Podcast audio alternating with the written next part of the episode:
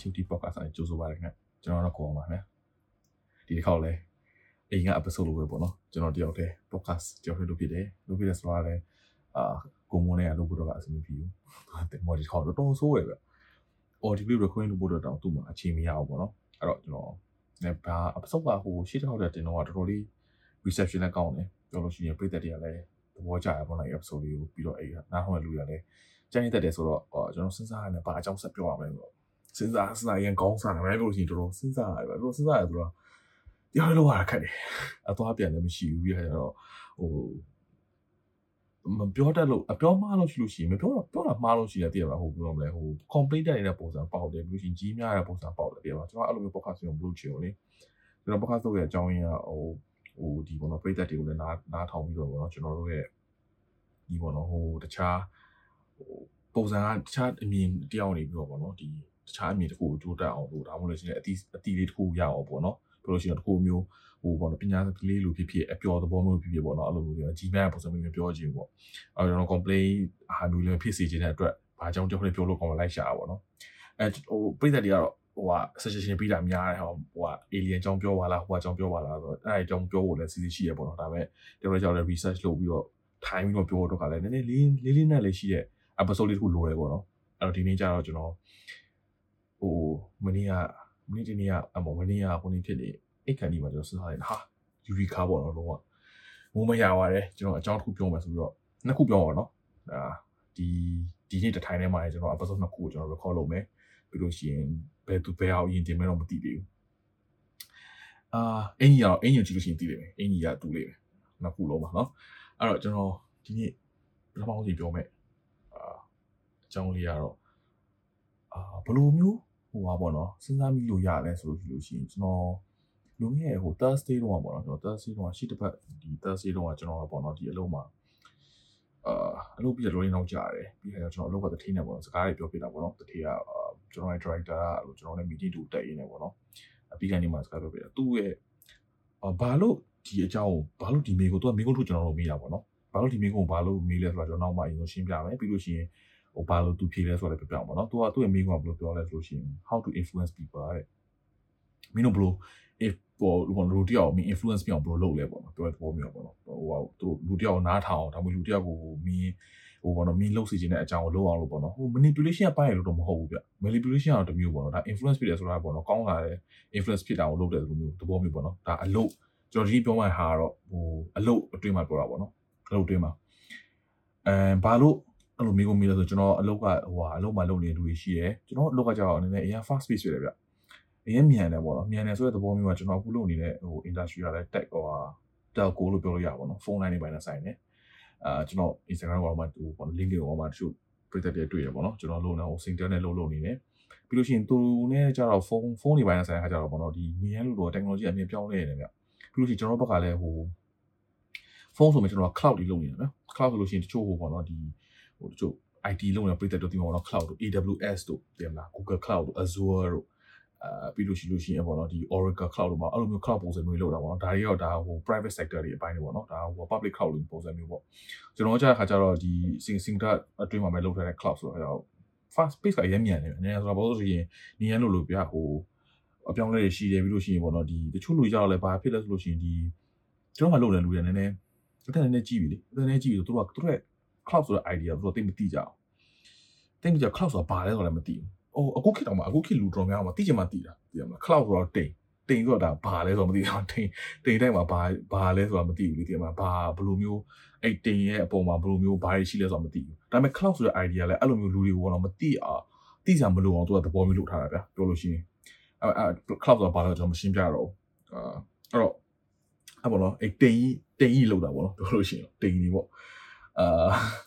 တင်ပြီးတော့ကျွန်တော်ဒီအလုပ်ပါလို့ရှိရင်ပေါ့တိန်နေကအနည်းငယ်လို့ပြသိရလားဟိုဒီကပောင်မှာလည်းကြည့်ပါဒီကျွန်တော်ဒီဘောမှာကြည့်ပြီးတိန်နေကတော့ရွှေနေပြီးတော့မိုးရွာလိုက်ဟိုလက်စစ်ဟိုလက်စစ်ပြစ်လိုက်ပါအဲ့လိုပုံစံပေါ့ကျွန်တော်အလုပ်ပါလည်းအဲ့တိုင်းပဲနေရလို့ဒီမှာအပြောင်းလဲဖြစ်တယ်ပြီးလက်စစ်ပြစ်တယ်မိုးရွာတယ်ဒီမှာမိုးလိုက်ယူလိုက်နေတယ်အဲ့လိုဖြစ်နေကြပေါ့နေတာရဲ့အချိန်မှာတားတယ်အဲ့လိုဖြစ်တာပေါ့နော်အဲ့တော့အဲ့တော့ဘာဖြစ်လဲဆိုလို့ရှိရင် तू ကအဲ့ဒါနဲ့ကျွန်တော်တို့မှာအလုပ်မှာကျွန်တော်ရဲ့တကယ်ကြီးတယောက်ရှိရပါတော့အလုပ်ကတကယ်ကြီးတယောက် तू ကနေပြီးတော့ဟိုအကြောင်းပြောနေနေ तू ကဟို သူ့တချို့လူတွေကြတော့ပြောမယ်ဟို idea တွေကနည်းနည်းကွာတယ်ကွာတယ်ဆိုတာဟဟိုကျွန်တော်ဆိုလို့ဆိုလို့ရှိရင်ဗျာဟိုကျွန်တော်ခံယူချက်တစ်ခုကကြောင့်ကျွန်တော်မှန်ရင်မှန်မယ်ကျွန်တော်မှားရင်မှားလိမ့်မယ်ဒါပေမဲ့တခြားတယောက်နားထောင်ပြီးမယ်ဆိုတဲ့သဘောမျိုးရှိရပေါ့နော်ကျွန်တော်ကျွန်တော်ပြောလို့ရှိလို့ရှိရင်တော့နော်အဲချို့လူကြောက်လဲငါမှန်တယ်ငါမှန်ငါမှန်တယ်မင်းကမှားတယ်ငါမှန်မင်းကမှားတယ်မင်းမှန်ငါမှားတယ်ဆိုတော့ပေါ့နော်10ပုံစံမျိုးရှိရဗျကျွန် တော်10ဆိုရင်တော့ဒါဟိုပေါ့နော်အမှန်အမှားပေါ့နော်မီးဖွင့်တယ်မီးပိတ်တယ်ဒီမှာအဲ့လိုပုံစံမျိုးရှိတယ်တချို့လူကြားတဲ့ခါကျတော့ကျွန်တော်တို့ဆိုလို့ရှိရင်တော့ဒီမှာမီးကကြတော့ဗျာမီးဖွင့်ရင်ပိတ်ဦးတယ်မကောက်မီးကအနည်းဆုံးဟို percentage လေးတိုးလို့ရတယ်ဒီမှာနည်းနည်းလေးလင်းကြောင်လို့ရတယ်နည်းနည်းလေးဟိုမှင်ညုံလို့ရတယ်ဆိုတဲ့ပုံမျိုးရှိတာပေါ့နော်အဲ့လိုလူမျိုးနှစ်မျိုးစားရှိတာပေါ့ကျွန်တော်အဲ့ဒီကြောင့်အဲ့လိုမျိုးမီးအပိတ်ဖွင့်မဲ့သူမှရှိတယ်သူမှမီးညှိနေတာလို့မီးဟိုဟာပြင်းတော့သူမှမရှိဘူးဗျအဲ့တော့ပြပြပါတော့ဘယ်လိုမျိုးခုနေဖြစ်ရလဲသူလည်းရ frustration ဖြစ်တယ်တဲ့ဘာလို့ရှိရင်များသူ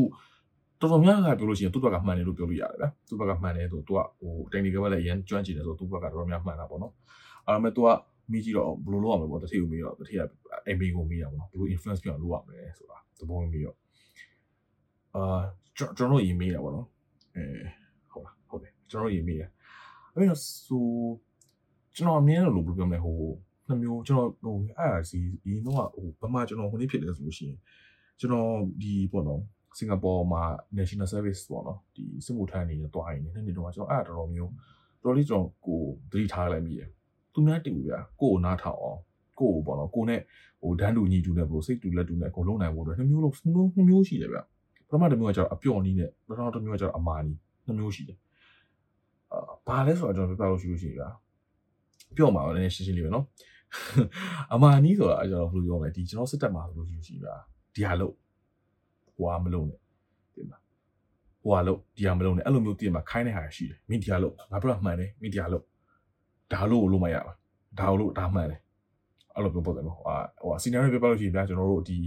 အာဘယ်လိုပြောရမလဲအာဟို piece ဟိုဘာလို့ဒီတင်ကန်းစာဟိုတင်ကန်းစာ exercise တစ်ခုလုပ်တယ် exercise တစ်ခုလုပ်တယ်နော် exercise တစ်ခုလုပ်တယ် exercise တစ်ခုလုပ်တဲ့အချိန်မှာ ဒီပေါ့နော်ခေါင်းဆောင်တယောက်အနေနဲ့လူတယောက်အနေနဲ့ပြောလို့ကျွန်တော်တို့ပေါ့နော်ဒီခေါင်းဆောင်တယောက်အနေနဲ့ how to influence people ဆိုလို့ရှိရင်လူတယောက်အနေနဲ့တို့ကဒီဟာဒီဒီစနစ်ကိုသုံးမယ်ဒီဟာကိုလုပ်ပါဆိုလို့ပြောတဲ့လူရှိတယ်ဒီဟာကိုလုပ်ရမယ်ဆိုတဲ့ပုံမျိုးရှိတယ်ဒီဟာမှန်အောင်မှန်တယ်ကျွန်တော်ဒီဟာပြောနေနေများတယ်ဒီအပအမှန်အောင်မှန်တယ်လမ်းကဗျာဟိုဘက်ဒီဘက်ရှိတယ်ဒီဘက်လမ်းကိုပဲဟိုညာဘက်လမ်းကိုသွားဘယ်ဘက်လမ်းကိုသွားမယ်ဆိုတဲ့ပုံမျိုးရှိတယ်ဗျာအဲ့လိုပုံစံမျိုးတွေငါမိထက်အာနာကြီးရဲ့အတွက်မင်းကငါ့ကိုနားထောင်မယ်ဆိုတဲ့ပုံမျိုး ပြောလို့ရှိရင်9မိနစ်ထက်စာတော်အတွက်မိရငေါလောက်ထောက်မယ်ဆိုပုံ9မိနစ်ထက်အသက်ကြီးရအတွက်မိရငေါလောက်ထောက်မယ်ဆိုပုံမျိုးအဲ့လိုမျိုးနေကြဟာနီးတယ်တင်ပါဟိုကျွန်တော်လူငယ်တို့တော့ကျွန်တော်တကယ်လို့ဟိုပေါ့ပါဟိုယာထုနေတဲ့လူတွေနဲ့ပြောလို့ရှိလို့ရှိရင်တော့အဲ့လိုပြောလို့ရှိရင်တော့ကျွန်တော်ကအော် okay တက်နာကိုလေးတော်တော်ငါအနေလို့ငါနားထောင်လိုက်ရဆိုတဲ့ပုံမျိုးနဲ့နားထောင်ရတာရှိတယ်အဲ့တော့အဲ့ဒါကြောင့်အမာနီနောက်ကကျအပြုံနေအပြုံနေရတာကိုပြောမယ်ဒီကျွန်တော်ဟိုဟာပြောလို့ရှိလို့ရှိရင်ဗျာအာဒီဘက်ကိုသွားရတယ်ဒီဘက်ကမှန်တယ်ဒါပေမဲ့ ဘာလို့ဒီဘက်ကိုသွားလဲဆိုတော့ရှင်းပြရတဲ့လူရှိတယ်ဟုတ်တယ်ဟုတ်ပြီးလို့ရှိလို့ရှိရင်ဒါဟိုဘက်ကိုဟိုဘက်ကိုဘာလို့မသွားတင်ဘူးလဲဆိုတော့ရှင်းပြလူရှိအဲ့လိုအဲ့လိုပေါ့နော်ဟိုဟိုအပြောင်းအနည်းဆိုတာဗျာဟိုဒီဒီဘက်ကိုသွားလိုက်ပါဒါပေမဲ့ဘာလို့ဒီဘက်ကိုသွားခိုင်းလဲဆိုတဲ့ဟာကဒီလိုဒီလိုဒီလိုဒီလိုအကြောင်းကြောင့်ဟိုဘက်ကိုသွားလို့ရှိရင်ဒီလိုဒီလိုဖြစ်မယ်ဆိုတဲ့အကြောင်းတော့ရှင်းပြရလူရှိတယ်ပြီးလို့ရှိလို့ရှိပေါ့နော်တခြားဟိုဘက်ကโอเคမင်းဘာလို့ဒီဘက်ကိုသွားကျင်တာလဲနားထောင်လို့ရှိတယ်အဲ့တော့အပြောင်းအနည်းအမှန်ကြီးရှိတယ်နှစ်ဖက်လုံးကမှားတော့နှစ်ဖက်လုံးမမှားအောင်နော်အမှန်တည်းပြောလို့ရှိရင်နှစ်ဖက်လုံးမမှားအောင် သုံးတဲ့နေရာနဲ့သုံးတဲ့ကျွန်တော်အမြင်ပြောတာသုံးတဲ့နေရာနဲ့သုံးတဲ့အချိန်ပေါ်မူတည်တယ်စစ်စစ်မှာဆိုလို့ရှိလို့ရှိရင်ဗျအမှန်တည်းလို့ရှိအမှန်နဲ့အမှန်နဲ့အပြောင်းနေမမှားအောင်ဗျသုံးချက်သုံးတဲ့နေရာပဲကွာနှစ်ခုလုံးကမှန်တယ်နှစ်ခုလုံးကလည်းသုံးကိုသုံးတင်တယ်လို့သဘောရှိတယ်ဗျကျွန်တော်အမှန်တည်းပြောလို့ရှိရင်ဘာလို့ဆိုလို့ရှိလို့ရှိဗျဘာလို့အမှန်နေရတချို့လူရထင်ကြပါဟာဘာလို့မြင်အမှန်အမှန်အရင်ဟိုဘောနော်အာနာဟိုဟိုဘောနော်အရင်အမားကြီးစကားအမားကြီးပြောတဲ့အပေါ်စီကပြောတဲ့ပုံစံကြီးဖြစ်နေပါဆိုလို့ရှိရင် ဟုတ်တယ်မှန်တယ်အပေါ်စီကနေပြောတယ်ငါခေါင်းဆောင်ပြီလို့မင်းကနားထောင်မယ်ဆိုတဲ့သဘောမျိုးနဲ့ပြောတာရှိတယ်ငါမှန်တဲ့အတွက်မင်းကနားထောင်မယ်ဆိုပြောတာသဘောမျိုးရှိတယ်ဒါပေမဲ့ဘာလို့အဲ့ညီကအဲ့လိုအမားမျိုးကိုတုံးတယ်ဆိုလို့ရှိရင်ဗျာဒီလိုကျွန်တော်တင်းရှင်ဖြစ်နေတယ်တခုခုလုံးဝဗျာအလုပ်ကိစ္စနဲ့ပြောမယ်ဆိုလို့ရှိရင်တက်လိုင်းအရင်မြင်ဟုတ်ရောက်တော့မယ်နောက်မနေ့ကလောက်မနေ့ကတပတ်လို့ဒီတက်လိုင်းဖြစ်နေပြီဟုတ်ပြီနော်ဟိုဟိုဘောတော့ပိတ်သက်တည်းရဲ့တငယ်ချင်းတို့တောင်းလို့ရှိရဟိုဘောလို့ပေါ်ကိုင်းမဲ့တည်းဟာတော့အကြီးအကြီးလို့ရသေးတယ်ဟိုဘက်လို့လို့ဒီဘက်လို့လို့အဲ့ဒီမှာခေါင်းဆောင်ကြောင်နေနဲ့ငါဒီဟာဒီဟာဒီဟာမင်းကြတော့သွား ဒီဟာဒီဟာလို့ဒီဟာအမှန်လို့တရားလို့ပြောလိုက်လို့ရှိရင်ပြီးသွားပြီအဲ့ဒါအမာနီးဘာလို့မှလို့တက်လိုင်းအရင်ခုနေဖြစ်နေပြီဟုတ်တယ်နော်ရှိလို့ရှိမှစဉ်းစားကြည့်လေအမာနီးနဲ့မသုံးမဲနဲ့အဲ့လိုရှိမှအပြော်နီးသုံးလို့ဟာရှင်းပြနေရတယ်လို့ရဆိုအချင်းပို့ကုန်တယ်မှန်တယ်အပြုံနည်းဆိုလို့ရှိရင်ဟိုကောင်တွေကလုံးရလုံးလိမ့်မယ်ဗျာဒါပေမဲ့ဟိုရှင်းပြရတယ်အာဟိုဟာအေးလောက်ပါကွာဒီလိုနေဖြစ်မှောင်လေးဆိုရှင်းပြလို့လို့ရှိရင်အဲ့ဒါနဲ့ပြောရတဲ့အချင်းကုန်တယ်ဒါပေမဲ့အချင်းက time is not your essence ဆိုတော့အချင်းကကိုယ့်ဘက်မှာမဟုတ်ဘူးလို့ရှိရင်အမာနီးသုံးတာမှန်တယ်ကျွန်တော်ကျွန်တော်မြင်ပြောတာပေါ့နော်ဒါပြည်သက်တွေဘယ်လိုနေလောက်မသိဘူးအပြုံနည်းကတော့ဒါတော်တော်များပေါ့နော်အချင်းလည်းရှိတယ်ဒီလိုလူကလည်းပုံမူတည်ပြီးတော့ဟိုနေဖြစ်လို့ရှိရင်တော့အပြော်လေးသုံးတယ်အမာနဲ့အပြောရလဲပေါ့လူပေါ်မှာလည်းမူတည်တယ်ဗျဟိုဟိုလူတယောက်ရဲ့ဟိုအချင်းစတောက်ကြည့်ရကျွန်တော်လူလူလို့ဆိုလို့ရှိရင်ဟိုပေါ့နော်ဒီအာနာဟိုဟာနဲ့ခိုင်းလို့ရှိရင်အာမနိုင်ပြောလို့လို့လို့လို့တတ်တာများတယ်ကျွန်တော်ကျွန်တော်ဒါယူဆကျွန်တော်ကျွန်တော်ကျွန်တော်ထင်တာတစ်ခုပေါ့နော်မြန်မာ ပေါ့နော်ဒီပေါ့နော်ဒီចောင်းပေါ့နော်10တန်းကြီးပဲတက်လာလူတော်တော်များဗျအပေါ်ကနေအပေါ်ကနေအပေါ်စင်းနေပြောလို့ရှိရင်လူကြီးခိုင်းလို့ရှိမှတော်တော်များလုတ်တယ်ဗျကျွန်တော်ကကျွန်တော်ဆက်အလုပ်ကျွန်တော်အလုပ်ဖမှာဆိုလို့ရှိရင်မြန်မာတယောက်အနေနဲ့ဆိုလို့ရှိရင်အရန်အလုပ်စူးစမ်းပြီးအရန်နာဟိုဆရာတို့တတိတို့အရန်ဟိုပေါ့တော့ဟိုလေးစားတဲ့လူမျိုးရှိတယ်အဲ့ကျွန်တော်အလုပ်ဖမှာဆိုလို့ရှိရင်မြန်မာမြန်မာတို့ကြာအာမင်းကအရန်ယူသေးတတ်တာပဲမင်းကဟိုပေါ့နော်အလုပ်ရန်စူးစမ်းရဆိုတာဟာကျွန်တော် image ရှိပြီးသားဟောကျွန်တော်ငငယ်လေးတည်းဗျစားကြလို့ရှိရင်သူငယ်တန်းနဲ့ကစားပြီးတော့ ဆရာတက်တဲ့ကြောက်ဟိုပေါ့နော်ဒီတက်ခဲလူရလို့ရှိဗျာဆရာမတစ်ခုပြောရနားထောက်ဘာမှဘာမှမမေးဘူးဆရာမဒါချက်ဆိုချက်တယ် why လို့ဘာလဲမမေးဘူးဒီမှာဆရာမဘာလို့လဲဘာလို့ကြာမှာဆရာမလည်းမမေးဘူးဟုတ်တယ်မလားဆရာမဒီဟာလို့ဟုတ်ကဲ့ teacher ဆိုပြီးလောက်တာဘာလို့လုပ်လဲဆိုတော့လေမေးမေးဖို့အရင်နဲ့မေးကြအောင်ဆိုမှပြောဆရာမအာဖီးရောက်ကြည့်လဲ okay ပဲတင်ပါအဲ့တော့မြန်မာပေါ့နော်ကျောင်းတက်ခဲ့လူတော်များအနေနဲ့ဆိုရှင်ဗျကျွန်တော်တို့အမှန်တမ်းပြောလို့ရှိရင်ကျွန်တော်ကစကားနားထောင်လိုက်အမှန်ဟိုဒီ okay လုပ်တယ်ဘာမေးမေးဖို့လည်းမမေးဘူး အဲ့ချို့အနောက်တိုင်းသားရပါကြောက်လို့ဆိုလို့ရှိရင်မရမေးဘူးဘာလို့လုပ်ရမှာလဲပါလဲမှန်လို့လားမှားလို့လားသူကအရင်မေးကုန်ပြီ why အရင်များတယ်အဲ့အဲ့လိုမျိုးလူမျိုးဆိုလို့ရှိရင်လည်းတော့ပေါ့ဟိုအမာနီအပြော်ကြီးအဲ့လိုပြောင်းတော့အဲ့တော့လူပေါ်မှာလည်းမူတည်တယ်အဲ့တော့အပြော်နီအမာနီဘယ်လိုလုပ်ရမလဲဆိုလို့ရှိရင်လူပေါ်မှာလည်းမူတည်တယ်ဟိုဟိုဟိုပေါ့အချိန်နဲ့မူတည်တယ်ပြီးလို့ရှိလို့ရှိရင်ဘယ်လိုလဲဟိုပေါ့နော်ဒီ situation အနေနဲ့မူတည်တာပေါ့ကြည့်မှာသုံးနေတဲ့အချိန်နဲ့သုံးလို့လည်းမရဘူးဟိုအာဟိုအဲ့လိုပေါ့နော်ဒီဟိုအချိန်မှားပြီးတော့သုံးရလို့ရှိလို့ရှိရင်ပြဿနာတက်လိမ့်မယ်ပေါ့နော် အဲ့အဲ့လိုမျိုးရှိတယ်ပေါ့ကျွန်တော်လာရင်တတိကိုကျွန်တော်ပြပြတာပေါ့နော်အဲ့လိုမျိုးပေါ့နော်ဟိုဒါပေမဲ့ကျွန်တော်တို့အနေနဲ့ပြောလို့ရှိရင်ပါကျွန်တော်လူတယောက်ဘယ်လို influence ဟိုဟာဖြစ်ရမလဲဆိုလို့ရှိလို့ရှိရင်တတိကြောက်အနေနဲ့မဟုတ်ဘူးတငယ်ချင်းတယောက်အနေနဲ့ဖြစ်တယ်အလုပ်အလုပ်အလုပ်ဒါအလုပ်ကျွန်တော်အလုပ်ဘက်ကဟာလည်းပြောပါနော်အလုပ်အလုပ်ဘက်ကလည်းပြောလို့ရှိလို့ရှိရင်ဟို empathy လို့ကျွန်တော်ထင်တယ်ကျွန်တော်တို့က empathy ပေါ့နော်ကျွန်တော်ကအမာတယောက်မဟုတ်ဘူးကျွန်တော်ဟိုခိုင်းတဲ့လူမဟုတ်အာအချင်းအရန်ဝင်နေဖြစ်လို့ရှိရင်တော့တမျိုးပေါ့ ဒါပေမဲ့တခါမှတော့ဦးဆိုတော့ခိုင်းတဲ့လူမျိုးကျွန်တော်နည်းနည်းပျော့တယ်နည်းပျော့ရဆိုတော့ဟိုတော့အဲစိတ်နည်းနည်းပျော့တာပါတယ်လို့ရှိရင်ကျွန်တော်အဲ့လိုအရင်ခိုင်းတဲ့ဝင်ကျွန်တော်အဲ့တော့စစ်တပ်ထဲမှာလည်းကျွန်တော်ဝင်လေးတဲ့စစ်တပ်ထဲမှာလည်းကျွန်တော်ရဲ့သုံးပုံသုံးနေကျွန်တော်ဟို empathy ပေါ့နော်သူတို့ဘက်ကနားလည်ပေးတာသူတို့ကျွန်တော်သူတို့ကဟိုဘောမယ်စကားပြောနေရင် okay သူတို့အကြောင်းကျွန်တော်နားလည်ပေးတယ်ကျွန်တော်ဟိုဟိုပေါ့နော်ဒီ bonding အရင်လုပ်ပေးရပေါ့နော်အဲ့တော့ သူတို့လည်းကျွန်တော်ဟိုတကယ်ချင်းနေတဲ့သဘောထားစေချင်တယ်အဲ့တော့ကျွန်တော်တကယ်လို့အခက်အခဲရှိလို့ရှိရင်သူတို့ကကူညီပေးမယ်သူတို့အခက်အခဲရှိလို့ရှိရင်ကျွန်တော်ကူညီပေးမယ်ဆိုစိတ်တလေးပေါ့နော် report လေးပေါ့နော်ဒီခွာလေး connection တွေနဲ့ build တာပေါ့ကျွန်တော်ကျွန်တော်ကအလုပ်ကတော့အရေးကြီးတယ်ဆိုပေမဲ့အလုပ်မှာကျတော့ပြင်မှာဟိုပြောမယ်ဟိုအတိုင်းတာရှိရလေပြီးလို့ရှိရင် personal level နည်းနည်းလေးနည်းနည်းလေးဟိုပါပေါ့နော်ဟို bonding ရှိလို့ရှိလို့ရှိရင်ဗျာအလုပ်လုပ်ရတယ်နည်းအဆင်ပြေတယ်ဒီကအရင်ကိုတယောက်တည်းဟာငါအလုပ်ကငါပဲလုပ်ပဲ queue ဆိုင်မယ်ငါ9 to 6ပြီးလို့ရှိရင်ပြီးပြီဆိုတဲ့သဘောမျိုးနဲ့တွားပြလို့ရှိရင်တော့အကွိုင်တက်လိမ့်မယ်ဗျာ ဒီမှာအဲ့တော့ကျွန်တော်တို့ empathy ပေါ့အနေဆိုလို့ရှိရင်ဗျာကျွန်တော်အခုဒီအလုံးမှာဆိုကျွန်တော်ကတကယ်ခုနေဖြစ်တာပါတကယ်ချင်းနေပေါ့နော်ဒီအလောက်ကလူတွေဆိုမှတော်တော်ချို့တော်တော်များကျွန်တော်အသက်ကြီးတယ်ဗျအသက်ကြီးတယ်အသက်ကြီးတယ်ဆိုတာဘလို့ဘလို့ဘလို့ခုနေဖြစ်ရမှာကျွန်တော်ခုနေဖြစ်လို့ရှိရင်ကျွန်တော်အခုအခု current situation နဲ့ပြောမယ်ဗျကျွန်တော်အလုံးမှာဆိုလို့ရှိရင်ဒီ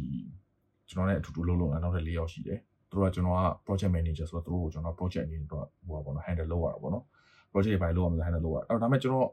ပထမတစ်ချက်ချက်ကျွန်တော်ဟိုအတိအကျထုတ်သူတို့ရဲ့ ကိုကျွန်တော်ဘာလို့လုပ်ရမလဲဆိုတော့မပြောခင်မှာသူတို့ရဲ့ respect ကိုကျွန်တော် earn လုပ်ရမယ်ဟုတ်တယ်ဘယ်လို respect အလုပ်ရမလဲဆိုတာကလည်းလူတိုင်းပါမှာပုံမှာမဟုတ်တည်ရဗျဟို definition တစ်ခုလည်းမရှိဘူးကျွန်တော်ဘယ်လို respect အလုပ်ရမလဲဆို example ဗျကျွန်တော်တယောက်အနေနဲ့ပြောလို့ရှိရင်အော်ကျွန်တော်အနေနဲ့လို့ထမင်းကြည့်တယ်ဟို okay ဒါ share လို့နေတယ်ပြောပေါ့နေလို့ coffee တိုက်ပြီတိုက်တယ်တိုက်တယ်ပေါ့နော်ကျွန်တော်ချက်တဲ့ coffee ကိုကျွန်တော် respect ကလိုလေးရရသွားတယ်ရှော့ကြောက်လို့ရှိလို့ရှိရင် coffee နဲ့မရဘူးဒီမှာဟိုအလုပ်ဟိုတဲ့ပုံမှုတွေဟောတော့လူတောင်နေ respect ကလိုတယ်ဗျအဲ့တကယ်လို့တခြားတယောက်ကိုကိုယ်ကို follow လုပ်စီခြင်းတယ်ကိုယ်ကိုတကယ်လို့ဟိုပြောမယ်ဟိုကိုကိုလုတ်ခိုင်းတာကိုနည်းလုတ်စီခြင်းတယ်ဆိုလို့ရှိလို့ရှိရင်ဟိုပေါ့နော်ဒီ respect ကို earn လုပ်ရမယ်အဲ့တော့ကျွန်တော်ဒီအလုပ်မှာဆိုလို့ရှိရင်ဟို respect ဆိုတာလူတယောက်တယောက်ကွာတယ်လေ example တစ်ခုအနေနဲ့ပြောလို့ရှိရင်ကျွန်တော် respect တစ်ခုရှိတယ်ပြီးလို့ရှိရင်ဟိုက trust trust လို့တယ် trust လို့ဆိုယုံကြည်မှုတစ်ခုတော့အရင်လို့တယ်ဗျလူတယောက်ကတကယ်လို့အေးဒါ example လုံးဝကျွန်တော်ဟိုဘယ်လိုလဲဆိုကျွန်တော်ဒီအခုအရင်လုပ်တဲ့တကယ်ဟိုပေါ့နော်အလောက်ကတကယ်ကြောက်ရှိတယ်ပေါ့နော်အဲ့ဒီကောင်ကသူကအရင်အသေးစိတ်အရင်လုပ်တယ်အသေးစိတ်အရင်လုပ်တယ်အသေးစိတ်အရင်ဟိုပေါ့ down to the ဟိုပေါ့နော်သူ point 1လောက်ထိသူကအရင်ကိုအချက်ကြည့်တာပေါ့နော်အဲ့လိုမျိုးအရင်သေးလို့တခါကျလို့ရှိရင်အလုပ်ရတယ်နည်းနည်းလေးခက်တယ် နည်းခက်တယ်ဆိုတော့ဗျာဟိုကကျွန်တော်က timeline တွေပါရှိတယ်ဗျာ timeline တွေပါမိဖြစ်ဖို့လည်းလုပ်ရမှာဒါပေမဲ့သူ့အတွက်သူကကြောက်တင်မှာဟိုအသေးစိတ်လုပ်တဲ့အတွက်အချင်းအရန်ကြာတာပေါ့နော်အဲ့ခါကျလို့ရှိရင်ကျွန်တော်အဆအဆသူနဲ့စားကြီးလို့တော့ပါဆိုပြီးကျွန်တော်အရန်ကိုပြင်မှန်းတယ်ပြင်မှန်းဆိုကျွန်တော်ဘာလို့လဲဆိုရင်သူ့ရဲ့ trust ကိုရောက်ဖို့ကျွန်တော်လည်းအဲ့လိုသူ့ရဲ့ down the line ထိကိုကျွန်တော်ဟိုကဖျောက်လို့အရန်လုပ်ပြီးတယ်ကျွန်တော်ဘာလို့ပဲမီဒီယာမလို့ငါလုပ်မယ်ဆိုလို့ကျွန်တော်လုပ်တယ်ဒါပေမဲ့အကြောင်းရှိတယ်ဘာလို့အကြောင်းရှိလဲဆိုလို့ရှိရင်ကျွန်တော်လုပ်တယ်တစ်ခါတစ်ခါ3 4 5လုပ်လိုက်ပြီးလို့ရှိရင်သူကကျွန်တော်ယုံအောင် ဟုတ်ကြီးအဒီဒီဟာနောက်ပိုင်းကမင်းမဲလုပ်လို့ရတယ်လို့သူစိတ်ကရှိပါအောင်အဲ့ကျလို့ရှိရင်ကျွန်တော်တို့ကဘယ်လိုလဲ handle လုပ်ရတဲ့လွယ်သွားတယ်အဲ့တော့ဒီလုပ်ရမယ့်အလုပ်ကကျွန်တော်လက်အောက်ထဲရောက်လာလို့ကျွန်တော်ရဲ့ဟိုဘောလေဟိုဟိုဘောနော်ဟိုအချိန်ပေါ်မှာမူတည်သွားပဲကျွန်တော်တကယ်လို့မင်းမဲလုပ်လို့ရှိလို့ရှိရင်လုပ်နိုင်တယ်ဒီမှာအဲ့တော့အဲ့အမျိုးကလည်းလို့တယ်အဲ့ကြောင့်ဒီနောက်ပိုင်းကျတော့နောက်ပိုင်းလို့ရှိလို့ရှိရင်ကျွန်တော်ဟဲ့အောင်မင်းကောင်မယုံဘူးလားငါလုပ်နိုင်တယ်ငါလုပ်တတ်တယ်မင်းကောင်လုပ်ပိုင်ပါလို့ပြောလို့ရှိရင် तू က okay နားလေ तू က okay ငါမင်းကိုမင်းရင်လုပ်ထားတာ trust ရှိရတဲ့အတွက်မင်းကိုလည်းငါဟိုက respect လေးပေးလို့မင်းလုပ်ရဆိုတဲ့ပုံမျိုးရှိတယ်ဟုတ်ဟိုက အဘော respect ရယ် trust ရယ်လို့နောက်တစ်ခါကျတော့ empathy ကျွန်တော်ခုနကပြော empathy အရေးကြီးတယ် empathy ဆိုအရေးကြီးတော့ဗျာဟိုလုပ်ဖို့ကိုင်းမဲ့ချင်းတော့တော့မှတော်တော်အရေးကြီးတယ်ဗျာလုပ်ဖို့ကိုင်းမဲ့ချင်းမှာဆိုလို့ရှိရင်တော့မှတချို့လူတွေကအရန်လုံးများလူရှိတယ်တချို့လူတွေကအရန်လုံးငယ်လူရှိတယ်ဟုတ်တယ်ဟုတ်အရန်လုံးများတဲ့လူရဲ့အရှိမအရန်လုံးငယ်လူဟာသွားပြီးတော့ငါအခုဘာမှမရှိဘူးလားတော့ပြောလို့ရှိရင် empathy လို့မရှိဘူးလေဒါပေမဲ့နင်းတော့တည်တယ်မှာစကားပြောပြီးဟာဘလို့လဲဘာကုန်လေးပြတာဘာကူညီပေးရမလဲအဲ့လိုနဲ့မလုပ်ဘူးလို့ရှိဘူးဗျာလူစုရနားလေပေါ့အော်ဟုတ်ပြီဒီကောင်ကဘယ်လိုပင်မနေတယ်ဆိုတာသိပါလား ဘယ်လောက်များခက်ခဲနေဆိုတာသိပါလားဆိုတာလေအဲ့ဒါလေးမှဟိုတကယ်ချင်းလို့အနေနဲ့ဖြစ်တော့တယ်အဲ့လိုဖြစ်တဲ့အခါကျလို့ရှိရင်ဗျာအကူကြီးတောင်းအောင်လည်းလွယ်တယ်ပြီးလို့ရှိရင်ဗျာကျွန်တော်ဘက်ကလည်းဒီလိုဟိုအခက်ရှိလို့ရှိရင်သူတို့ဘက်ကနားလဲအော်ဟုတ်ပြီမင်းကဒီလိုအခက်ဖြစ်လို့မင်းကလုပ်တယ်ဆိုတဲ့သဘောမျိုးသာရှိတယ်အဲ့ empathy ကလိုတယ်ဒါကကျွန်တော်ခံယူချက်ပေါ့နော်အဲ့ဒါတော့တချို့ကျွန်တော်ပြပြရပေါ့ဒါတတိယဟုတ်ပြီတဲ့သူ့အနေနဲ့ပြောလို့ရှိရင်ဒါသူ့ရဲ့ answer ပေါ့သူသူ့ရဲ့ဖြေ answer အဲ့ကျွန်တော်နည်းနည်းကြိုက်သွားတယ်ဗျ influence ပဲတစ်ခုဆိုတာတဲ့ဟုတ်တယ်သူများဟိုနှစ်ခုသူကနှစ်ခုလုံးနှစ်ခုလုံးတယ်တဲ့ သူတော့တသေးအနေနဲ့ပေါ့နော်သူဆိုလို့ရှိရင်အမိုင်းလို့ရင်သူက hard လုပ်လိုက်လို့ရတယ်ပြောရှင်အလုံးကဟိုမင်းမှန်တယ်ငါငါမှားတယ်ဆိုတဲ့သဘောမျိုးလုပ်လို့ရတယ်လို့ငါမှားတယ်မင်းမှန်တယ်ဆိုတဲ့သဘောမျိုးလုပ်လို့ရတယ်လို့ sorry မင်းမင်းမင်းမှန်တယ်ငါမှားတယ်လို့ငါမှန်တယ်မင်းမင်းမှားဆိုတဲ့သဘောမျိုးလုပ်လိုက်လို့ရတယ်ဘာသူက director လေးဟုတ်တယ်မသူကအဆင့်နေနေရှိတာပေါ့နော်ဒါပေမဲ့သူကဘယ်လိုလုပ်လဲဆိုလို့ရှိရင်ね တစ်ခုလို့လားသူများကိုနားထောင်တယ်ဆိုနားထောင်ဆို empathy နေနေပေါ့နော်သူများစကားနားထောင်ဘာပြဿနာရှိလဲမင်းအလုံးမှာဘာပြဿနာရှိလဲအဲ့တော့ကျွန်တော်မှာ request တွေလာတာပေါ့နော် request တွေတစ်ခါကျလို့ရှိရင်အရင်ခက်ခဲ request တွေပြဟို PC ပေးနေတဲ့ဟာလို့ရှိတယ်လို့မ PC ပေးနေတာလည်းရှိတယ်လေအဲ့တော့မင်းဘာဘာမင်းမင်းဟိုဟာ problem ဘာလဲဆို problem တော့နားထောင်လုပ်ပေးတယ်ပြီးလို့ရှိရင်ပြီးလို့ရှိရင်သူ့ရဲ့ problem ကိုပြောပြတယ်ဟိုသူများတယောက်နားလဲအောင် okay ငါမင်းငါမင်းကိုနားထောင်ပေးတဲ့အတွက်မင်းကဟာကိုနားထောင်ပေးနှစ်ခုနားထောင်ပေးလိုက်တယ် ဟုတ်ပြီနော်အဲ့ဒီချေအဲ့လိုနာအဲ့လိုသူ့ရဲ့ကိုယ့်ရဲ့ problem လေးပြပြပြီးသူ့ရဲ့ဟိုဟာပြဿနာကိုနားထောင်ပေးရတယ်ပြီးသွားတော့မှမရလို့ရှိလို့ရှိရင်သူကပြောတာနောက်တစ်ခုကကျတော့ solution မှာပေးလိုက်။အဲ့တော့တစ်ခါကျလို့ရှိရင်လူတယောက်ကဟိုပြဿနာဖြစ်နေတယ်။လူတယောက် timeline လေးတစ်ခုဖြစ်လို့ရှိရင်သူ့မှာဟိုပြီးတော့ဟို technical knowledge တို့တခုဟို knowledge ကောင်းမရှိတဲ့လူတယောက်ဆိုရင်သူ့ရဲ့ဟိုဟာ vision tunnel vision ဖြစ်နေတာပဲဒီ on ဒီဟာကိုဟိုတယောက်ကလုတ်ပါလို့ပြောတဲ့အတွက်မှာဒီဟာကိုလုတ်မှရမယ်ဒီဟာကပဲတလန်နဲ့ဆိုပြီးတော့ tunnel vision ဖြစ်နေတာအဒါပဲမြင်နေရတယ် ဒါပေမဲ့ဒါပဲမြင်နေတဲ့ခါကျတော့သူ့တော့ကတခြားဟာတွေဘာမှမသိတော့အဲ့တော့ကိုကဟိုပေါ့နော်ဒီဘေးနာအလူအနေနဲ့ဖြစ်အောင်မင်းဒီဟာတစ်ခုလည်းမဟုတ်ဘူးနောက်ဒါလေးတစ်ခုပါလုပ်လို့ရရဆိုတော့သူ့ကိုပြပြလိုက်လို့ရှိရှင် problem solve ကိုမလုပ်ပေးနိုင်တာကိုလည်းသူကအတင်းလိုက်ပြီးတော့ဒီမှာ escalate ရမလုပ်တော့ဘူးအတင်းလိုက်ပြီးတော့မငီးတော့ပဲနဲ့ဟုတ်ပြီမင်းမရဘူးမင်းမရဟာငါလည်းနားလဲတယ်အဲငါဟာမရတဲ့ဟောလည်းမင်းကနားလဲဆိုတဲ့သဘောမျိုးနဲ့ရှိပြီးတော့သူက okay တခြားနည်းလဲရအောင်ခါခြားနည်းတော့တော့လုပ်လို့ရတယ် ဆိုတော့အဲ့လိုလုပ်တာကျွန်တော်ဆက်ဟုတ်လဲဟုတ်တာပဲအလုံးမှာဆိုလို့ရှိရင်ဟိုဟိုတငယ်ချင်းတွေမှာရတော့မတူဘူးပေါ့နော်အလုံးမှာဆိုလို့ရှိလို့ရှိရပေါ့နော်အဲ့လိုလုပ်တဲ့တာပေါ့နော်ပြောလို့ရှိရင်သူများရဲ့ဟိုဟာကိုနားထောင်ပြီးမယ်သူများပြဿနာနားထောင်ပြီးတယ်နားထောင်ပြီးပြီးတော့ကိုဖြည့်ရှင်းပေးနိုင်ရင်ဖြည့်ရှင်းမယ်ဖြည့်ရှင်းပေးနိုင်လို့ရှိရှိရှိရင်ကိုယ့်ရဲ့ပြဿနာကိုပြောပြလိုက်မယ်ပြပြပြောလို့ရှိမှအဲဘယ်လိုပြောမလဲသူ့ရလို့ရှိ solution ပေးရဆိုတဲ့သဘောမျိုးပေါ့အဲ့လီကဟိုပေါ့နော်ဒါဟိုအသေးဆုံးနေပဲပေါ့နော် influence ဖြစ်တဲ့ဟာကိုဘယ်လို influence ဖြစ်ရမလဲဆိုတာပေါ့နော်ဒါအလုပ်နေမှာပေါ့ တကယ်ဟိုတခါပဲတခါကျရင်ကျွန်တော်ကျွန်တော်ဟိုဟာဟိုပေါ့နော် decision making နေနေပြောတာပေါ့နော်ကျွန်တော်တကယ်ကြောက်နေတယ်ပြောနေတယ်တော့ပြပြပါပေါ့နော်တကယ်လို့အဲ့လူတယောက်မြန် draw ပေါ့နော် soft approach လုပ်တယ် hard approach လုပ်တယ်မင်းကမရဘူးဘယ်လိုလုပ်မလဲအရင်ကျွန်တော်ပြောမှပြောစဉ်းစားကျွန်တော်ပြောတော့ပြောမယ်စဉ်းဟိုပါဗျ okay ကျွန်တော်ဟိုဒီဘာလို့တော်တော်များချို့ဗျာဟို influence လုပ်လို့ရတယ်လို့ဗျာ ဟိုဘယ်လို influence လုပ်တဲ့သဘောမျိုးနေပြောတော့ကြည့်ဗျာဟိုသူတို့ဟိုဗျာဟိုအကောင့်အနေနဲ့ဟိုကတော့ပြောပြပြောပြလို့ရတယ်ပြောပြလို့ရတာလည်းရှိတယ်လေကျွန်မတကယ်ကြောက်ရှိပါတယ်တကယ်ကြောက်ကသူ့ရဲ့ဟိုဟိုပေါ့ relationship အဲ့လောက်အကောင်းကြီးမဟုတ်အရင်ဟိုပေါ့နော်ပြက်လိုက်ပြန်တွဲလိုက်ပြန်ဖြစ်လာပေါ့နော်ကျွန်တော်ဟိုလွန်ခဲ့လေးနှစ်လောက်တည်းသူ့ပြောဘူးလေအဆင်ပြေဘူးလို့မင်းတရားနဲ့တော်လို့ရှိရင်မင်းမပြောဘူးပေါ့နော်သူကတော့ okay ပေါ့နားထောင်တာပေါ့နော်အဲကျွန်တော်လည်းပေါ့စမ်းကြည့်ရပါတော့ပထမတော့ကျွန်တော်ဟိုပေါ့နော်ဒီ soft approach နဲ့ပြောလို့ရတာပေါ့နော် ပြောပြရှင်းပြတယ်ဘာလို့ဒီနဲ့ဆက်တွဲလို့ရှိလို့ရှိလို့ရှိရင်ဘာလို့မြင်ဟိုစိတ်စိတ်ဆင်းရရမလဲဘဘာလို့ပေါ့နော်ဘာတွေမကောင်းလို့ဆိုတော့ကျွန်တော်ရှင်းပြပေးတာပေါ့နော်ပြောပြလို့ရှိလို့ရှိရင်အဲကျွန်တော်ရှင်းပြပေးတယ်အဲသူကတိတ်နားမထောင်ဘူးပဲပြောလို့ရှိရင်တော့သူကလည်းဟိုဘယ်လိုလဲနည်းနည်းအာကိုကိုစိုးဖြတ်ချက်မချနိုင်ဘူးပြောလို့ရှိရင်သူ့ရဲ့ပုံစံကိုစိုးဖြတ်ချက်မချတတ်ဘူးပြီးလို့ရှိရင်သူကအရန်ဒီကောင်းမလေးပုံမှာအရင်ဒီဘက်နဲ့ဖြစ်လာတယ်ပါတယ်လေ အဲ့တော့နားရပါတယ် okay ဟုတ်ပြီမင်းဆက်သွဲလို့ရှိလို့ရှိရင်ပြီးတာပဲဆိုကျွန်တော်ဒါပေမဲ့နောက်ပိုင်းကျတော့ပြစ်တာပေါ့နော်တခုခုတက်တက်ဖြစ်လာပေါ့ကျွန်တော်မျက်စိမှာပေါ့နော်တကယ်ကြီးကလည်းရင်းနေတော့ကျွန်တော်လည်းပြောပြရတော့ပေါ့အဲ့တော့ပထမ approach ကကျွန်တော် soft approach လုပ်ပြတယ်ပြပြတယ်သူရှင်းပြတယ်မလို့ပါနဲ့ဒါမကောင်းဘူးပေါ့နော်ဒါမင်းရှေးတော့လာအဆင်မပြေတော့ပြောလုံးဝ9နှစ်လောက်ပဲကျွန်တော်ပြောပြဖို့ပဲအမှန်ပြောလို့ရှိရင်အဲပြီးရတော့အဲ့ဒါမျိုးကျွန်တော် hard approach ပြပြတယ်ပြပြဆိုတော့မင်းဒါမကောင်းဘူးလုံးနေတော့တကယ်ချင်းအလုံးစုပြောပြပြဘူးတယ် ဒါပေမဲ့ तू ဟာအပေါ်တော့သူ့အနေနဲ့ပြောလို့ရှိရင် okay နားတော့နားတစ်ဖက်ကဝင်ဟိုဘက်ကထွက်သွားတဲ့ပုံစံဖြစ်သွားတာပေါ့နော်ဆိုရင်အဲ့တော့ तू ကတွဲတာ၄၅နှစ်လောက်ရှိပြီဒါပေမဲ့ပြက်လိုက်ပြန်ရှင်းလိုက်ပြက်လိုက်ပြက်လိုက်ပြန်ထွက်လိုက်ပြက်လိုက်ပြက်တာအပတ်တိုင်းတတမှာနှစ်ခါသုံးခါလောက်ရှိတယ်အောက်ဆန်းကြီးဗျာဟိုဘယ်လောက်များစိတ်ဆင်းရတယ်ဆိုတဲ့ခါကျလို့ရှိရင်မကောင်းဘူးလေသိရမလားအဲ့တော့သူ့တို့လည်းမတိုးတက်ဘူးသူ့ရဲ့ကိုကောင်းမကြီးတို့လည်းမတိုးတက်ဘူးမတိုးတက်ဘူးဆိုတာဗျာဟိုလူ့ဘဝမှာဗျာဟိုလှုပ်ဆိုင်အများကြီးရှိတယ်ဗျာ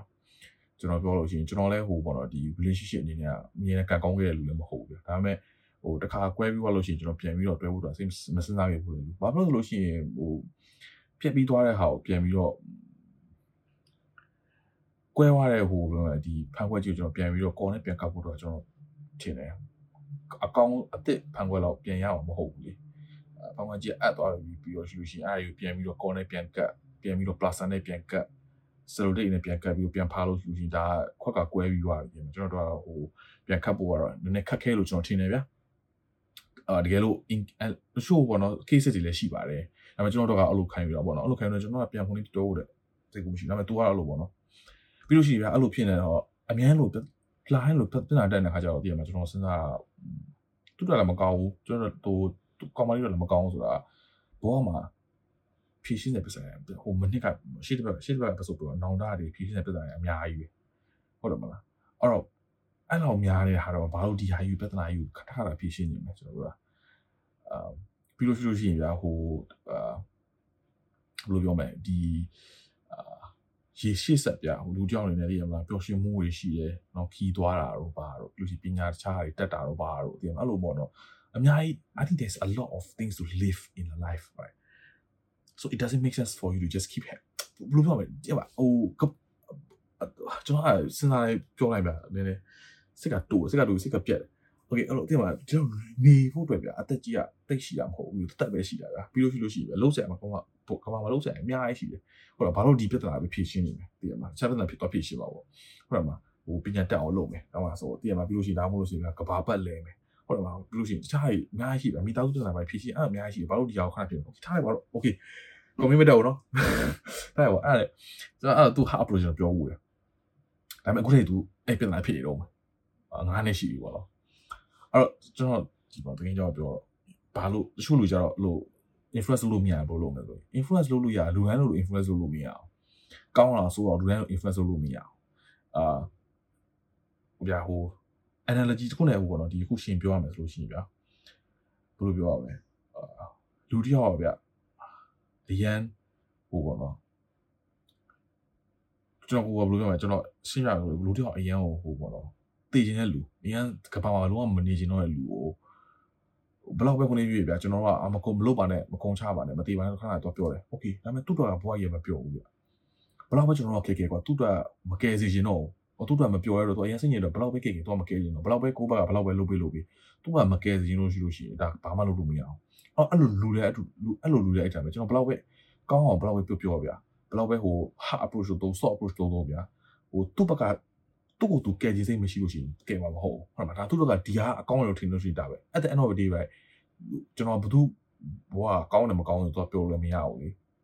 ကျွန်တော်ဘက်ကတက်တယ်တော့တကယ်ကြောင်နေနဲ့ ပြောခဲ့ပြီးပြီလုပ်ခဲ့ပြီးပြီးသွားပြီဒါပေမဲ့ကျွန်တော်သူ့သူဆက်ပြီးတော့မလုပ်ဘူးဆိုတော့ကျွန်တော်လည်းမဆိုင်တော့ဘူးပေါ့နော်ပြောလို့ရှိရင်သူ့ရဲ့ဘွားသူ့ကိုဆက်ပြီးတော့နေမရအောင်ပဲရှိတဲ့ဘက်ကကျွန်တော်ပြောသလိုပဲကိုယ်တမိုင်းကိုရေးတာဗျဟုတ်တယ်ဟုတ်အဲဘယ်သူမှလည်းရေးပြီးလို့မရကျွန်တော်ကတကယ်ကြောင်နေသူ့လိုက်ပြီးတော့သူ့ဟိုဟိုရှင်းပြပေးတော့မှာဗျာနောက်ပိုင်းသူနောင်လာတာသူကနောင်လာနောင်မရပါလေအဲ့လိုမျိုးသဘောမျိုးပေါ့နော် influence ဆိုတဲ့အတိုင်းပဲဟိုတော့လူတိုင်းလိုလုပ်လို့ရတာမဟုတ်ဘူးပေါ့နော်အလုံးမှာဆိုလို့ရှိရင်တော့ဒါကိုအလုံးအတွက်အဆင်ပြေတဲ့နေပေါ့နော်ဟို ဟဟိုပေါ့နော်နည်းနည်းလေးညှိနှိုင်းပေးရတယ်ရှိတယ်ဗျ။ခါကြလို့ရှိရင်ဟိုဘက်ကတော့ပြီးလို့ရှိရင်ဗျကျွန်တော်ကျွန်တော်လောက်ကအလယ်မာရန်နေရအလယ်မာနေရဆိုကျွန်တော် project manager ဆိုကျွန်တော် vendor တွေနဲ့စကားပြောရပြီးလို့ရှိရင်ကျွန်တော်ရဲ့ company ကဒီ engineer စကားပြောရပါနှစ်ဖက်စကားပြောအမှနှစ်ဖက်ခါကြလို့ရှိရင်စကားပြောဖို့တော့ကကြတော့နည်းနည်းခက်တယ်ဗျခက်တယ်ကျွန်တော် engineer ဆိုလို့ရှိရင်ဒါဒါငါရန်လို့ချင်တယ် vendor ရောတော့ပြောလို့ရှိရင်တို့ကကြတော့အော်ဒီဟာက contract မှာမပါဘူးဆိုတာတို့ကရှိတယ်တို့က contract ဆန်းရတော့ဗျအော်ကျွန်တော်ကြောင့်အလယ်မာကြားထဲမှာဆိုတာကျွန်တော်နည်းနည်းဟို point တက်တာပေါ့ point တက်ဆိုတော့ထိုးဘက်ကကျတော့အရင်ဓာတ်လိုချင်တယ်ကျွန်တော် company ဘက်ကအရင်လာဓာတ်လိုဒါပေမဲ့ contract မှာကဟို sign တော့ကျတော့ဒီဟာတွေမပါလို့ရှိလို့ရှိရင်ဒီမှာ requirement အနေနဲ့ vendor ဘက်ကလည်းမလုပ်ပေးဘူးလေအော်ကျွန်တော်အလင်ကနေပေါ့နော်ညှိပြီးတော့ okay ငါ့ကိုပြောအာဟိုဘက်ကတော့ပြောပေးနေဆိုတော့အဲ့လိုမျိုးလုပ်ရပါတော့ messenger နဲ့လည်းလုပ်ပေးရပြဘာလို့ရှိရင်ဟိုတကယ်လို့သူတို့ဟို vendor နဲ့ကျွန်တော် engineer တွေသူကပေးညှိလိုက်လို့ရှိလို့ရှိရင်ဗျာဟိုမကောင်းနိုင်ရင်ဖြစ်သွားလိမ့်မယ်လေ online နဲ့ပေါ့နော် vendor ဆိုလို့ရှိရင်အေး ဒါ contract မပါဘူးဒါပေမဲ့ငါတို့ကူညီပေးပါလားဆိုတော့ online နဲ့ဟိုလူလူနေပါလေရောအဲ့လိုချော်ပြီးလုပ်ပေးရလုပ်ခိုင်းရတယ်ရှိတာပေါ့နော်ကျွန်တော် engineer ဆိုလေဒါတွေ contract မပါဘူးဒါပေမဲ့ဒီကခိုင်းထားပြီးဒါပေမဲ့ဒီထက်ပိုလုပ်ခိုင်းလို့ရှိရင်တို့ကခုနကဖြစ်လို့အဲ့လိုပေါ့ချော်ပြီးလုပ်လုပ်ရတယ်ရှိတာပေါ့နော်အဲ့တော့ influence ပါပဲဒါကတော့ကျွန်တော်ဒီတပတ်မှာပေါ့နော်ကျွန်တော်တတိယအဲ့လိုပြောရင်းနဲ့စိတ်ဝင်စားသွားပြီးတော့ကျွန်တော်ပေါ့နော်ကျွန်တော်ပြည့်သက်တယ်လို့ကျွန်တော်ပြောပြချင်တာပေါ့နော်အားကြောင့်ကျွန်တော်ဒီ episode လေးကို record လုပ်ဖြစ်တာอืมတကားပြောတယ်မိနစ်30လောက်ကြာသွားပြီဒီထက်တော့မမတော့မရှိတော့ နောက်တစ်ပတ် episode ကိုစောင့်ပြီးတော့ပဲကြည့်လိုက်ပါတော့အဲ့တော့ကျွန်တော်ဒီနေ့ episode မှာဒီမှာပဲညနာပါမယ်ခင်ဗျကျွန်တော်တို့ရဲ့ GOD podcast ကိုအခုထိနားထောင်ပြီးတော့ပြည်သက်တွေအများကြီးရှိတယ်အဲ့အတွက်အရင်ကြီးစုလည်းတင်ပါတယ်ခင်ဗျဒီချက်လဲဟိုပေါ့နော်ဒီကျွန်တော်တို့ကောင်းတဲ့ဟိုပါပေါ့နော်အစီအစဉ်ကိုကျွန်တော်ဟိုပေါ့နော်မင်းရရအောင်ကျွန်တော်လုပ်ပြပါမယ်ကျွန်တော်ဟိုပေါ့နော်ဟိုတယောက်တည်းဆိုတဲ့ခါကျတော့ဒါပေမဲ့ဟိုပေါ့နော်အထူးတူ collab လုပ်ချင်တဲ့လူရှိရဲတောင်းဝဲအထူးတူပေါ့နော် podcast ပဲလုပ်ချင်လူရှိလို့ရှိရင် ကျွန်တော်တို့ကို approach လုပ်ရပါတယ်ကျွန်တော်တယောက်တည်းလုပ်နေရတဲ့အတွက်အာ idea သိမရှိတော့ဘူးအာရှိတော့ရှိတယ်ဗျအမှန်တမ်းဘူးဒါပေမဲ့ဟိုတော်တော်လောက်ရတယ်တော့ fee မလာဘူးပြောရတယ်အရှင်းလေးပြောတာပေါ့နော်ကျွန်တော် fee မလာဘူးတယောက်တည်းအခုကျွန်တော်ကင်မရာကြီးဝယ်ကြည့်ရတော့လည်းပြောနေရအယူကြနေရပဲဒါပေမဲ့အပေါ့အာဒါပေမဲ့ဟိုကျွန်တော်ပြိသက်တွေလည်းပေါ့နော်ဒီတခါကြလို့ရှိရင်ပေါ့ခါစီနားထောင်လို့သူတို့ကပြောကြတာပေါ့နော်ဟိုကျွန်တော်ရှေ့တစ်ဘက်ကပတ်စုံမှာဆိုလို့ရှိရင်တော့နောက်နောက်အကြောင်းလေးပဲတော့သူတို့ကပေါ့နော်ဟာတီရောပေါ့နော်ဒီ messenger ကပို့တယ် အဲအဲ့အားကိုကျွန်တော်ဖတ်ပြီးလို့ရှိရင်ပေါ့နော်ဒီ message တွေပါပို့တယ် comment ပါပို့ဖတ်ပြီးလို့ရှိရင်ကျွန်တော်အာအားရတာပေါ့နော်အားရပြီးတော့ခါကြတော့လည်းကျွန်တော်ဒီဘယ်လောက်ပြန်ပြန်ပြန်ပေါ့ခါစီအောင်ဆက်ပြီးလုပ်ပြမှာပါအာနောက် episode ကိုလည်းနောက်တစ်ခါနောက်တစ်ပတ်ပေါ့နော် hopefully နောက်တစ်ပတ်ကြာလို့ရှိလို့ရှိရင်နားဆင်ဖို့အတွက်ဆက်မလိုက်ပါဘူးခင်ဗျာကျေးဇူးများတင်ပါတယ်